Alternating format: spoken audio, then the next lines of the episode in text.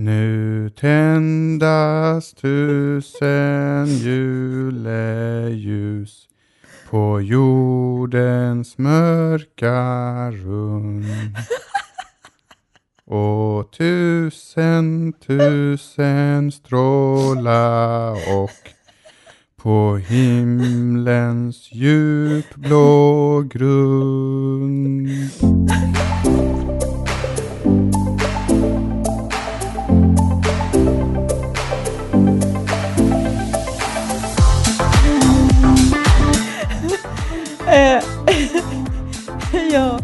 Varmt välkommen till Voicepodden. Ett samtal hemmen som hjälper våra lyssnare att växa i sin tro. Och eh, ni fick precis en, eh, jag vet inte om det var vacker, men i alla fall en ärlig inledning från Hemen där han verkligen, han gav sig inte. Han ville så gärna Tänk nu på vad du säger. Irene. Tänk nu på vad du säger. För jag, jag gav verkligen mitt bästa. Ja, Det det, här är mitt bästa. det är det som är så sorgligt. Men jag är inte bättre, så att det är så här illa. Mm. Eh, jag tänker att vi håller oss till tal. Vi gjorde en omröstning på Instagram om vi skulle sjunga eller inte och ni tyckte att vi skulle sjunga. Och sen så fegade Irena ur. Jag tänkte, Heman gick på den jag första ska ja. inte- jag- Det första ja som han fick. Då körde han direkt. Det var liksom inte att han väntade in majoriteten, utan det var den första personen som klickade ja, då, då fick han grön signal. Så jättetack till dig för det. Poängen med det här avsnittet i alla fall, Ja. det är att i julens budskap så får alla plats. Och det var det jag tänkte demonstrera med min låt, att till och med jag får plats. Mycket sant. Mm. Mycket sant. Men allt har sin plats också, som man brukar säga. Mm. Ja, det Just är när det gäller sång. Så Mm. Men jag bjuder på det, hoppas Ja. ni ty- tyckte om det. Jag tänkte skapa lite så här julstämning, eh, kicka igång det. Om man Mm. Ja. inte har varit på någon julkonsert eller tittat på något på tv så fick man hem en om konsert. podden är det enda man lyssnar på så kommer här, så fick ni här liksom en dos av eh, riktig jul, Fantastiskt. kände jag. Men nu så, vi ska ju börja prata om, och det här blir ju våran sista eh, avsnitt som vi spelar in för det här året Mm. faktiskt. Så vi är ju tillbaka sen efter, eh, efter nyår, men det känns ju lite så spännande. Vi ska ju prata lite om vad julen handlar om. Mm. Och eh, innan vi går in och pratar om det så ska vi som alltid faktiskt tacka de som eh, både lyssnar men även de som faktiskt har skrivit recensioner, tagit sin tid och skrivit ner och berättat vad podden har betytt för en. Och det betyder ju så mycket för oss. Så stort, stort tack till er som har gjort det. Och har du ännu inte gjort det så får du ju såklart gå in och skriva både via iTunes, det finns också på Facebook där du kan skriva ett meddelande och betygsätta podden. Eh, och jag tror till och med via Spotify tror jag att man kan skriva någon Nej, kommentar. Spotify Nej, inte inte. Spotify. Det var något annat som jag såg där. Mm. Eh, Men jätte, jättetack för att du tar dig tid och ni gör det. Och eh, vi tar och plockar upp två recensioner som eh, vi har fått in här de senaste och vi läser den första från en som heter Vickan. Eh, och de har skrivit så här, bäst, ser fram emot och är tacksam för varje avsnitt av Voicepodden, pedagogiskt, kärnfullt och tydligt. De lyckas alltid förklara sånt som kan tyckas klurigt kring den kristna tron och lämnar sällan frågor obesvarade. Helt enkelt bäst. Ja men vad roligt alltså. Grymt, wow, tack så Jät- jättemycket. Ja, jättetack för det. Och sen har vi någon som heter Brillormen på iTunes då, eh, och som har skrivit så här, goda vanor. Jag lyssnar just nu på serien om goda vanor och tycker att det ger mycket. Behöver höra det här just nu. Jag har skrivit en kort lista med några få punkter som jag ska försöka börja och sluta med. Börjar under det lilla så det inte ska bli övermäktigt. Tack och tummen upp och smileys. Mm. Och det är också jätteroligt när man faktiskt hänvisar till någon kanske speciellt tema eh, som man känner, men det här har jag verkligen fått så mycket eh, utav. Mm. Och det kan man också skriva om. Och just det här temat som han lyssnar på, eller hon, vem det nu är, eh, är ju perfekt att lyssna på i början på det nya året eller precis vid liksom nyårsskiftet för Mm. att det, är ett perfekt tillfälle att starta nya goda vanor. Precis. Så gå in och lyssna på det om du har missat. Mm. Eh, sen har vi haft ett eh, fantastiskt år bakom oss och släppt eh, en massa avsnitt. Hur många avsnitt är vi uppe i just Voice-podden? Är det typ över 40 stycken? Ja, men jag tror det är ungefär något sånt. Mm. Och eh, vi har haft en massa olika spännande teman under året och, eh, eh, och anledningen till att vi kan göra det här och att vi har kunnat sprida det till så många är dels alla ni som lyssnar såklart eh, och alla ni som skriver recensioner men också eh, dig som är med och är givare till podden. Eh, om du lyssnar på podden för första gången och du inte vet om det så kan man vara med och vara en månadsgivare. Eh, och då ger man en, eh, liksom en summa automatiskt varje månad så att vi kan använda de pengarna vi får in till att sprida det kristna budskapet genom då eh, podden. Mm. och bevisligen så uppskattar folk det och vi, vi, vi, har också varit med på en intervju i en tv-kanal Mm, och det är inte det. det. som är poängen, men poängen där det var att de ville veta, men hur går det för podden, för podden liksom? hur många lyssnare har ni och sådär. Eh, och vi brukar inte fokusera så mycket på statistiken, utan vi bara kör och är glada för alla de som lyssnar. Eh, men vi gick in och tittade, och till min stora förvåning, sen vi började, eh, sen vi började podda, eh, för ungefär, var det två år sedan ungefär, mm. så har vi haft en halv miljon, alltså 500 000 lyssningar.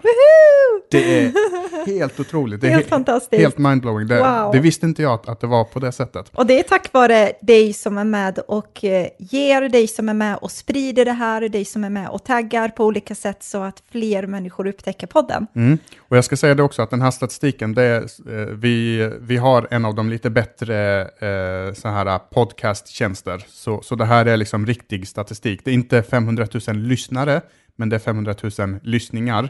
Eh, och det är unika lyssningar. Det är så grymt. Att, eh, wow. Så det är hur häftigt som helst. Och precis som du sa Irena, så är det tack vare alla som, som är med och sprider och dig som är med och ger. Eh, och vi har ju, tror jag, någon gång under eh, höstterminen nämnt det, att vi har någonting på gång och jag tänkte avslöja lite mer. Det här kommer vi realisera någon gång i första eh, kvartalet kan man säga i 2020. Eh, och vad det handlar om det är att förut så hade vi så att alla som var givare hade, fick ett eh, bonusavsnitt med jämna mellanrum, mm. som ett tack från vår sida för att du är med och ger. Eh, det här kommer vi att återinföra, men typ gånger tre nästan. Mm. Eh, så vi har något jättespännande på gång som vi kommer berätta mer om efter nyårsskiftet. Vi kan inte berätta för mycket om det nu, men det handlar helt enkelt om att vi kommer att kunna lägga upp bonusmaterial väldigt, väldigt tätt. Uh, inte, inte lika ofta som vi spelar in avsnitt, men nästan. Typ varannan, var tredje avsnitt kommer vara ett sånt här bonusavsnitt.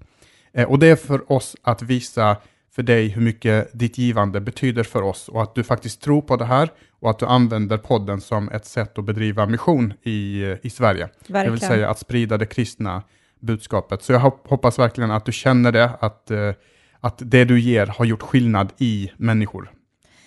Det har gjort en enorm skillnad, jag vill bara poängtera det som Heman säger, alltså verkligen stort tack för vi får in fortfarande brev där folk skriver och berättar hur det har betytt. Vi får in eh, mycket eh, e-mail där folk ställer djupa frågor, en, frågor som ligger väldigt nära ens hjärta, så även om vi inte läser allt i podden på grund av eh, liksom, för att de kanske inte vill vara, um, man vill vara anonym helt enkelt, så Eh, så gör verkligen podden skillnad och vi är så tacksamma till Gud och vi är så tacksamma för dig som är med och lyssnar och eh, fortsätter att göra det också. Så från djupet av vårt hjärta, stort, stort tack.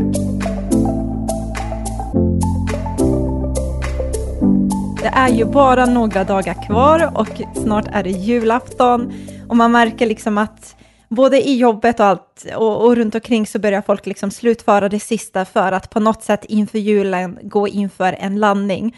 Och jag personligen tycker att julen, det är verkligen en sån här supermysig period. Eh, vintertiden är mysig i Sverige för att vi har ju de här, ja men det är tänt ljus överallt och man försöker lysa upp liksom eh, en hel stad nästan på grund av mörkret som kommer då under, under jultiden. Mm.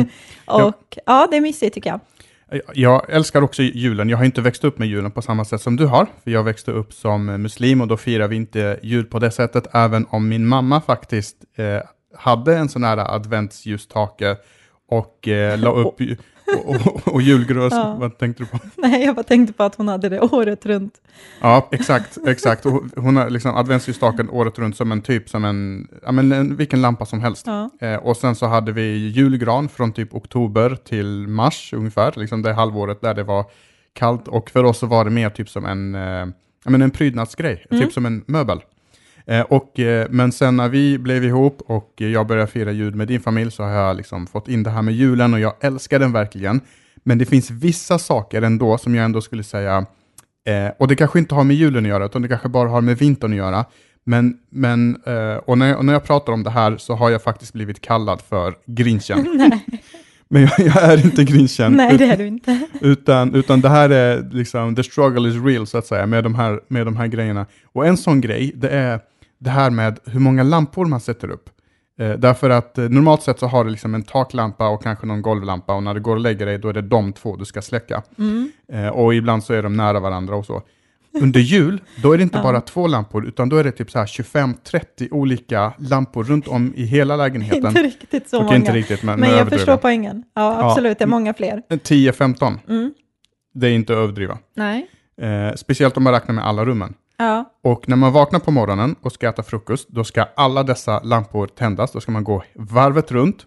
Och sen så när man har ätit klart frukosten och ska göra sig redo att gå till skolan eller jobbet, då ska man släcka alla dessa lampor för att vara miljövänlig. Och Precis. sen så gör man samma sak när man kommer hem igen, tänder alla lampor och sen så ska man göra likadant när man går och lägger sig. Mm. Eh, och den personen som har fått den uppgiften, det är inte du. Nej, vi, vi har gett den till dig. Exakt, ingen annan som gör det. Men men det är för att jag är, typ, jag är alltid den som är uppe längst. Ja. Så jag, jag springer runt och så ska jag släcka alla dessa lampor. Sen en annan grej, och och det har jag liksom, ja, men jag försöker se det positiva. Så jag har till exempel ett gymkort, det behövs inte längre. nu, nu, har jag, fått den här uppgiften. Du får gå flera kilometer varje gång. Exakt. Eh, Men en Ja. annan grej, det är det här med tända ljus på köksbordet när man ska äta. Det är det mysigaste, jag älskar det. Mm. Jag tror att jag har flera med mig där faktiskt som kan backa upp det här. Det, är, det tillför en helt annan stämning än när man bara har den här jätte, liksom lampan ovanför eh, köksbordet. Jag tänd. förstår det Mm. och jag uppskattar det verkligen. Men det är den här grejen att det är så mycket tända ljus på köksbordet så att det nästan blir som ett minfält och varje gång man sträcker sig över oliverna eller tomaterna när man ska käka tacos eller vad det nu är, så, är det som, så bränner man liksom varenda litet hårstrå på sin, på sin Ja. arm och så ska man liksom slingra sig fram för att, så här rent strategiskt, för att komma fram dit utan att röra de här äh, Ja.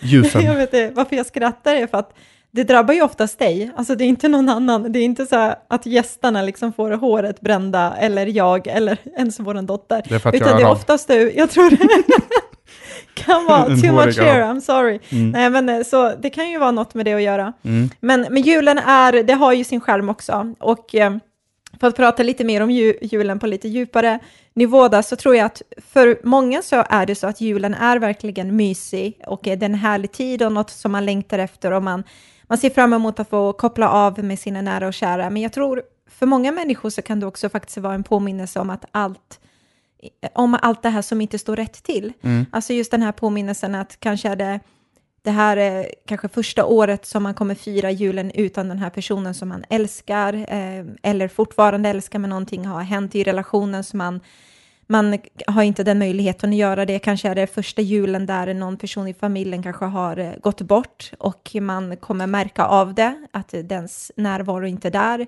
Eh, det kan vara en påminnelse om att just det, ekonomin går inte åt det hållet som jag önskar. Skulderna blir bara större nu och utgifterna blir ännu större under juletiden och man känner en enorm press kring det. Det kan också vara att man Ja, men kanske har en väldigt tufft på grund av det här ekonomiska också, att det är första julen i år som man berättar för sina barn att hörni, vi kommer inte kunna ha råd och, och ha det på samma sätt som förra året, Mm. utan nu är situationen lite annorlunda. Mm. Eh, Så jag tror att julen är verkligen en sån period där vi blir påminda om olika saker. Det kan vara första julen där man får de här nyheterna om att man är ofrivilligt barnlös. Det kan vara påminnelse om det som har gått förlorat på grund av eh, alkohol, droger, andra problem som har liksom varit kanske ofta återkommande i familjen. Det kan vara att man eh, är långt borta till och med från de man älskar. Man kanske firar julen själv eller man kanske firar jul någon annanstans. Men, det kan vara olika saker. Mm. Eller så kan det till exempel vara att, att, ähm, att man undrar, eh, är det här sista julen som jag får tillbringa med den här personen? Kanske har man en sjuk person i sitt, i sitt liv eller i familjen och, och man undrar, liksom, kommer det här bli den allra sista julen? Och så ligger det där över liksom, det här. Så precis som du säger så är inte julen för alla den här mysiga, fantastiska eh, perioden, utan, utan det kan för många vara just en påminnelse om alla de här sakerna. Och det som är tröstande i det, det är att den första julen, eh, det vill säga det vi faktiskt firar, Jesus födelsedag, det var inte den här fantastiska, glamorösa, glittriga berättelsen där allting är bra och alla är glada och klappar och, Mm. och hejar liksom så här, utan det var en ganska rå berättelse. en, en, en, en ganska smutsig berättelse. Det var liksom allt annat än, än perfekt. Mm. Eh, Och det vi kommer prata om i det här avsnittet, det är just bara prata lite kring hur det egentligen eh, gick till när Jesus föddes, Eh, men också plocka fram en poäng som jag tycker är väldigt viktig. Eh, Och det här är en poäng som vi har försökt jobba med under hela eh, höstterminen, åtminstone i vår kyrka, eh, där vi har haft ett så här övergripande, övergripande tema som vi kallar för en inkluderande andlighet. För att vi tror att det kristna budskapet är världens mest inkluderande budskap och att kyrkan måste få vara en sån plats där Mm. alla känner sig välkomna. Och, och när jag känner, säger alla så pratar jag inte om olika livsstilar och vad det nu är, utan jag pratar om, också om, eh, om att även om jag, är, om jag, har- om jag har varit i, i kyrkan hela mitt liv, eller om jag är helt ny, så ska jag kunna känna att jag kan göra min resa i kyrkan utan att liksom känna att jag inte duger eller, eller vad det nu kan vara. Och, och när vi läser julberättelsen så, så är det verkligen en berättelse där alla människor, alla typer av människor, alla var inte där, liksom hela världen var inte där, men alla typer av människor var där. Och det tänkte jag att vi skulle titta lite på när vi nu eh, djupdyker i julberättelsen och hur det gick till och, och, och så. Och julberättelsen kan man läsa om i Matteusevangeliet och i Lukasevangeliet i de, i de första kapitlarna där. Eh, och precis som du sa Hemen så är ju julhändelsen långt ifrån perfekt och välpolerad och det är därför det ger mig ett hopp för både mänskligheten och det man själv står i också. Och för att berätta det i stora men också korta drag så börjar det hela med att en ängel visar sig för Maria och Maria är en tonårstjej och eh, eh, den här ängeln berättar för henne om att Maria, du kommer bli gravid och den du kommer föda är världens frälsare. Så att det är ju liksom enorma nyheter som hon får där och eh, man kan se hennes hjärta och hennes inställning i, även om hon kände sig rädd och även om hon undrade hur ska det gå till och vad kommer hända med mig och alla dessa funderingar som hon får som är väldigt naturliga att hon får i en sån situation så säger hon ändå okej, men låt din vilja ske, liksom. låt det bli så som Gud har tänkt med mitt liv. Och Maria, hon var trolovad med en kille som hette Josef. Eh, man kan säga att man hade bestämt eh, man hade bestämt att de två ska gifta sig. Eh, och hon kommer till Josef och berättar till honom att okej, jag, Eh, jag bär världens frälsare, jag är gravid liksom. Eh, och eh, man ser där med tiden så går det och Josef han blir ju helt så här, ah, men vänta nu, vad är det som händer? Är det verkligen så att det är Gud som har gjort det här? Och man, ibland när vi läser Bibeln så kan vi ju bara, ja ah, men vad fint, och så går de vidare och han verkar acceptera det, men om man tittar på det så som det faktiskt var i en verklig händelse så förstår man också Josefs tvivel kring sig, men var det verkligen Gud? Du vet, inom situationstecken. Alltså det var ju verkligen, det var svårt kanske att smälta. Mm. Och han var ju beredd att, att lämna Maria också. Eh, han men han tänkte att men jag, gör det i, jag gör det i, smyg för, i, i smyg för att inte skämma ut henne. Och, eh, men men eh, det som händer då är att Josef också får möta en ängel och ängeln berättar att det Maria berättar, det är faktiskt sant. Precis. Eh, Och det kanske kräver just en ängel för att man ska förstå det, för att den storyn var lite läglig. Om man nu har varit otrogen så är inte Gud liksom den bästa förklaringen att ge. Så den, ängel, den här ängeln eh, säger det till eh, Josef. Eh, men just då också det som händer, det är att då bestämmer man att alla människor skulle skatteskrivas och på grund av det så blir eh, Maria och Josef tvungna att åka till Betlehem, eller åka, ska jag inte säga, men de red på en åsna till Betlehem. Och Maria är höggravid och de ska göra hela den här resan. Och jag som har varit med en gravid kvinna, och du vet det här mycket bättre än vad jag vet, Alltså jag. alltså du, exakt. Eh, en gravid kvinna, vad jag förstår, vill, man, man vill inte åka några längre resor eh, om man är höggravid. Framförallt så vill man inte åka eh, på en åsna. Nej. Och det var precis det eh, som de gjorde här. De tog sin packning, eh, sin lilla packning och gjorde den här resan på en åsna. Det tog tid, det var jobbigt, man var hungrig, man var törstig och alla de här sakerna. Eh, och det var som, som, som sagt allt annat än perfekt. Ja, verkligen. Alltså jag kan identifiera så mycket med Maria. Alltså hon måste ha känt, Åh, fy vilka krämpor och smärtor och allt på en och samma gång. Och just det här att de var tvungna att göra den här resan tillsammans med ovissheten också i sitt hjärta med vad kommer hända, hur kommer det bli, alltså de är på väg någon annanstans. Mm. Och de kommer dit eh, och då visar det sig att verkarna börjar bli mer och mer eh, liksom, starka och det är dags för henne att föda. Och så då letar de efter en plats, de försöker gå till någon värdshus efter värdshus för att hitta en plats där hon kan föda och de får inte plats någonstans. Eh, och vart de hamnar är egentligen, många har den här bilden av ett stall, vissa tror också att det är en mörk grotta där de också fick plats. Eh, men hur som helst, så där de var var inte liksom det bästa liksom, miljön. Mm. Eh, och vi ska läsa om det i Lukas evangeliet kapitel 2 och vers 67, då står det så här, men medan de var där blev det dags för henne att föda och hon födde sitt första barn, en pojke. Hon lindade honom sedan med tygstycken och la honom i en krubba, för det fanns inte plats för dem inne i värdshuset. Så hon var redo för att föda världens frälsare och så har de inte plats i värdshuset. Och det får mig att tänka på just oss människor också, med den här känslan som vi kan ibland ha inombords över att vi känner att vi själva inte platsar någonstans, att vi känner att vi inte har utrymme för att vara kanske de vi är eller att vara på ett visst sätt. Att man inte platsar helt enkelt, att man inte passar in någonstans. Jag vet inte om du har känt det någon gång, Heman, men jag själv har känt det mm. vid flera olika situationer. Ja, men jag, absolut. Jag har eh, känt det nästan i princip hela min uppväxt i, eh, i, i skolan. Men, men det är just intressant just det här att när Gud väljer att födas så väljer han inte att födas eh, som en kung eller som i ett palats eller på, på, något av de här sätten, utan han väljer verkligen att födas på de, med de sämsta möjliga förutsättningarna.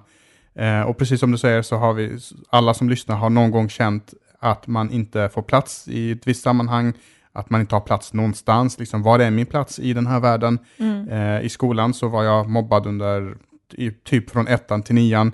I princip, man, man, kommer från ett annat land, jag kommer från ett annat land och du också, man känner sig rotlös. Eh, man försöker liksom bli svensk så gott man bara kan och, så, och alla de här sakerna. Och allt det där kan ju få en verkligen att känna att men vad är min plats i det här livet? Vad, vad är min, min funktion? Vad, är, liksom, vad, vad vill Gud med mitt liv om man nu har Gud i sitt liv? Eh, och, eh, och, och, när jag kom till kyrkan så, så tänkte jag att men kyrkan kanske är en sån plats där alla människor ska få plats. Mm. Eh, och, och jag tror att det är så viktigt att det är på det sättet, därför att det, det ingår i det kristna budskapet att, att alla människor är välkomna och alla människor får plats i den här storyn. Och det här är ingenting som började på 2000-talet eller något man kom på i efterhand för att nu är det poppis och, och, och, prata på det sättet, utan det här började med djurberättelsen. Så även om Maria och Josef inte fick plats i värdshuset så eh, så hade de plats för alla människor när, när Jesus föddes. Verkligen. Och det är ganska intressant just det att när Jesus föddes så fanns det olika typer av människor där och mm. olika typer av karaktärer. Och de här karaktärerna representerar olika områden, olika typer av människor, olika typer av livsstilar, olika typer av um, det var liksom eh, olika kön och det olika var samhällsklasser, olika samhällsklasser mm. och, och alla de här sakerna. Och jag tänkte att vi skulle titta lite på det och bara för att se, var det verkligen på det sättet? Och vilka var de här som, som, eh, som bevittnade det som hände? Mm, och det är så spännande att titta på det utifrån det perspektivet, där alla faktiskt platsar. Eh, och, och, som du säger så hände det redan där, då, för x antal tusen år sedan. Eh, och de första som jag tänker på, det är ju de här herdarna. Eh, och herdarna på den tiden, de ansågs ju långt ner på den här socioekonomiska trappan. Alltså de var inte liksom det första man tänkte som ett arbete som man ville ha, utan det var något man tog för att man också var tvungen, eller man hade inte andra förutsättningar som man fick ta det. Eh, man såg det som en sista utväg på något sätt för att kunna överleva. Och när du hade det här jobbet som en herde så var du ju långt borta från din familj, från dina vänner. Du var ju med dina får, vakter om dag och natt. Så det var verkligen en sån här dubbelskiftsjobb kan man ju lugnt säga. Och man kan ju inte tycka att de hade kanske jättemycket liv, utan de ägnade sitt liv för att skydda dessa får och de gjorde allt vad de kunde. Mm. Så de kanske inte var det, liksom, det bästa som man tänkte på av, av arbete eller liksom som man valde på den tiden, men mm. även de var där och även de fick plats att vara med i den här händelsen och vara välkomna in i det här scenariot som, som skedde. Mm. Och då skulle man kunna då säga att de här herdarna, de, de representerar låg och mellanklassen i vårt samhälle, även mm. om vi inte har Eh, På samma sätt. Liksom. Exakt, vi, eh, alltså, vi måste ändå anse att mellanklassen i Sverige ändå är väldigt rika jämfört med många andra. Men, men det, de representerar liksom låg och, och, och mellanklassen. Sen har vi de här stjärntydarna som också är väldigt eh, intressanta. Eh, det här är, och, och, det finns väldigt, det är liksom ett lite mytomspunnet kring dem och, Mm. och det finns saker som vi tänker om dem som faktiskt inte är sant. Till exempel att de var tre stycken. Det kanske var tre stycken, men vi vet inte hur många eh, det var. Jag tror man tänker på det för att det var typ tre gåvor. Exakt. De hade med sig tre stycken gåvor och då tänker man att det kanske var tre stycken. Och de här gåvorna är också väldigt intressanta, bara om man ska ta en liten eh, sidestep kring, kring de här herdarna. Eh, f- eh, så, så hade de med sig tre gåvor, precis som du nämnde. Den ena gåvan var guld, eh, och guld rep- representerar liksom konungslighet eh, och, och välstånd och så vidare. Och Jesus, han föds in som en kung, men inte kung av den här världen, utan eh, liksom kung, kung, kung Ja. med stort K. Eh, sen så får de också rökelser. Eh, och rök har man ju, eller rök kommer när man eh, bränner någonting. Och det är också en bild på när man offrade ett, ett lamm och Jesus skulle vara det här offerlammet som skulle offra sig för våra synder. Eh, så rökelserna var, var en bild på Jesus död helt enkelt. Så redan när Jesus föddes så fanns den här symboliken med. Och Just sen, lite det här som Bibeln säger, att Guds lam som tar bort världens synd. Exakt, så det var liksom ett, det här offret som Jesus eh, kom med. Och sen har vi myrra, och myrra är eh, liksom det som man balsamerar döda människor med innan de begravs. Eh, och hela det där, liksom hela evangeliet, eller de glada, det glada budskapet, finns med i bara de här gåvorna. Att det är en kung som ska födas, han ska offra sig för människors synder, och så ska han dö. Och, och så vet vi också att han, han uppstår. Så bara det är intressant. Men en annan intressant grej kring, heden, eh, kring eh, stjärntydarna, det var att de var faktiskt inte med när Jesus föddes. Alltså i den här grottan eller i stallet eller var man nu befann sig någonstans. Därför att de kom cirka ett till två år senare och besökte Jesus när Maria och Josef var i ett, i ett hem.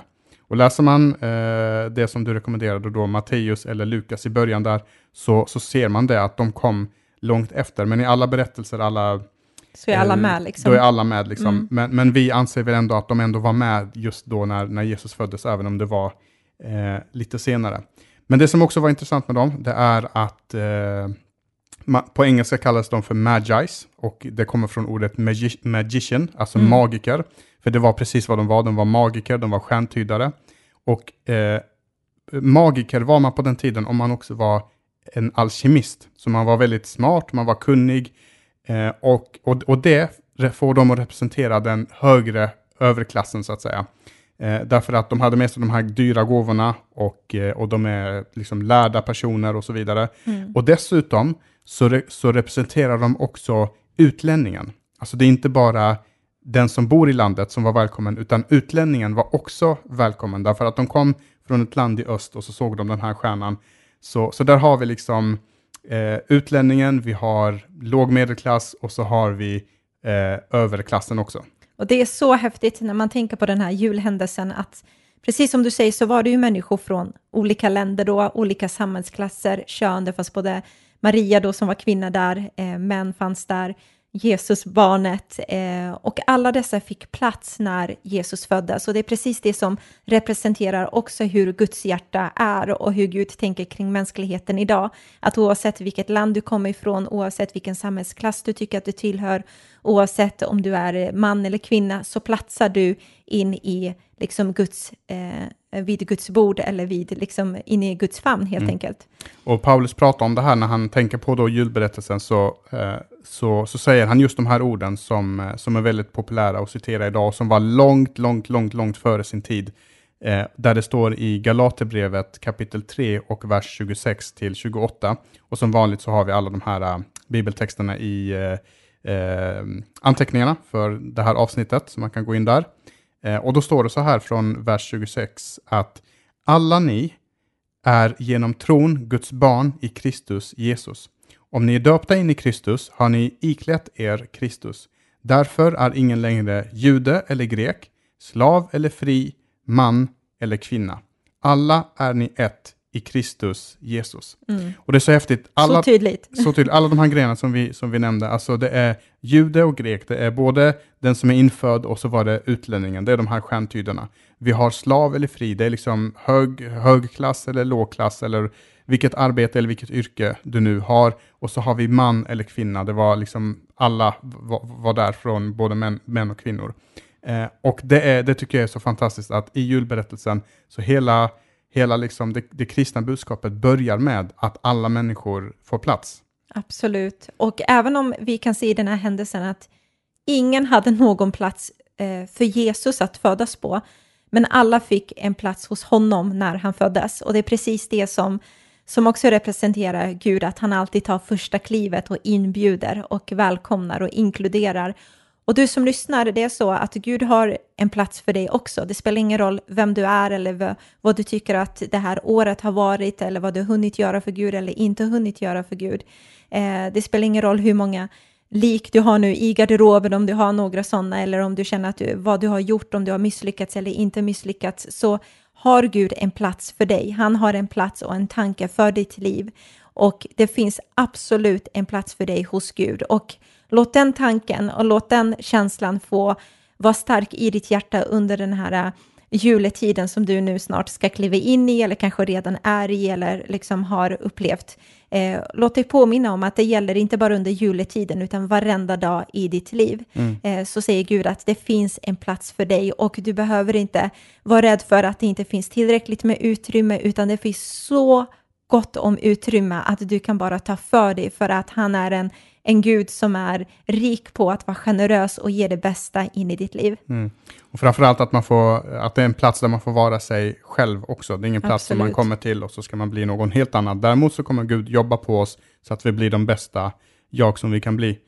Eh, men den här berättelsen om Jesus, att de knackade på det här värdshuset, de fick inte plats, eh, de blev inte insläppta så de var tvungna att ta liksom, eh, föda på ett ställe där ingen ska, egentligen ska behöva födas. Eh, det leder mina tankar till ett annat ställe som är typ eh, i, i, sista boken i Bibeln. Det här, nu pratar vi om de första böckerna i Nya Testamentet och nu hoppar vi över till den sista boken i Nya Testamentet. I Uppenbarelseboken eh, så står det så här i Uppenbarelseboken kapitel 3 och vers 20 att eh, se, jag står vid dörren och knackar. Om någon hör min röst och öppnar dörren ska jag komma in till honom och vi ska äta tillsammans.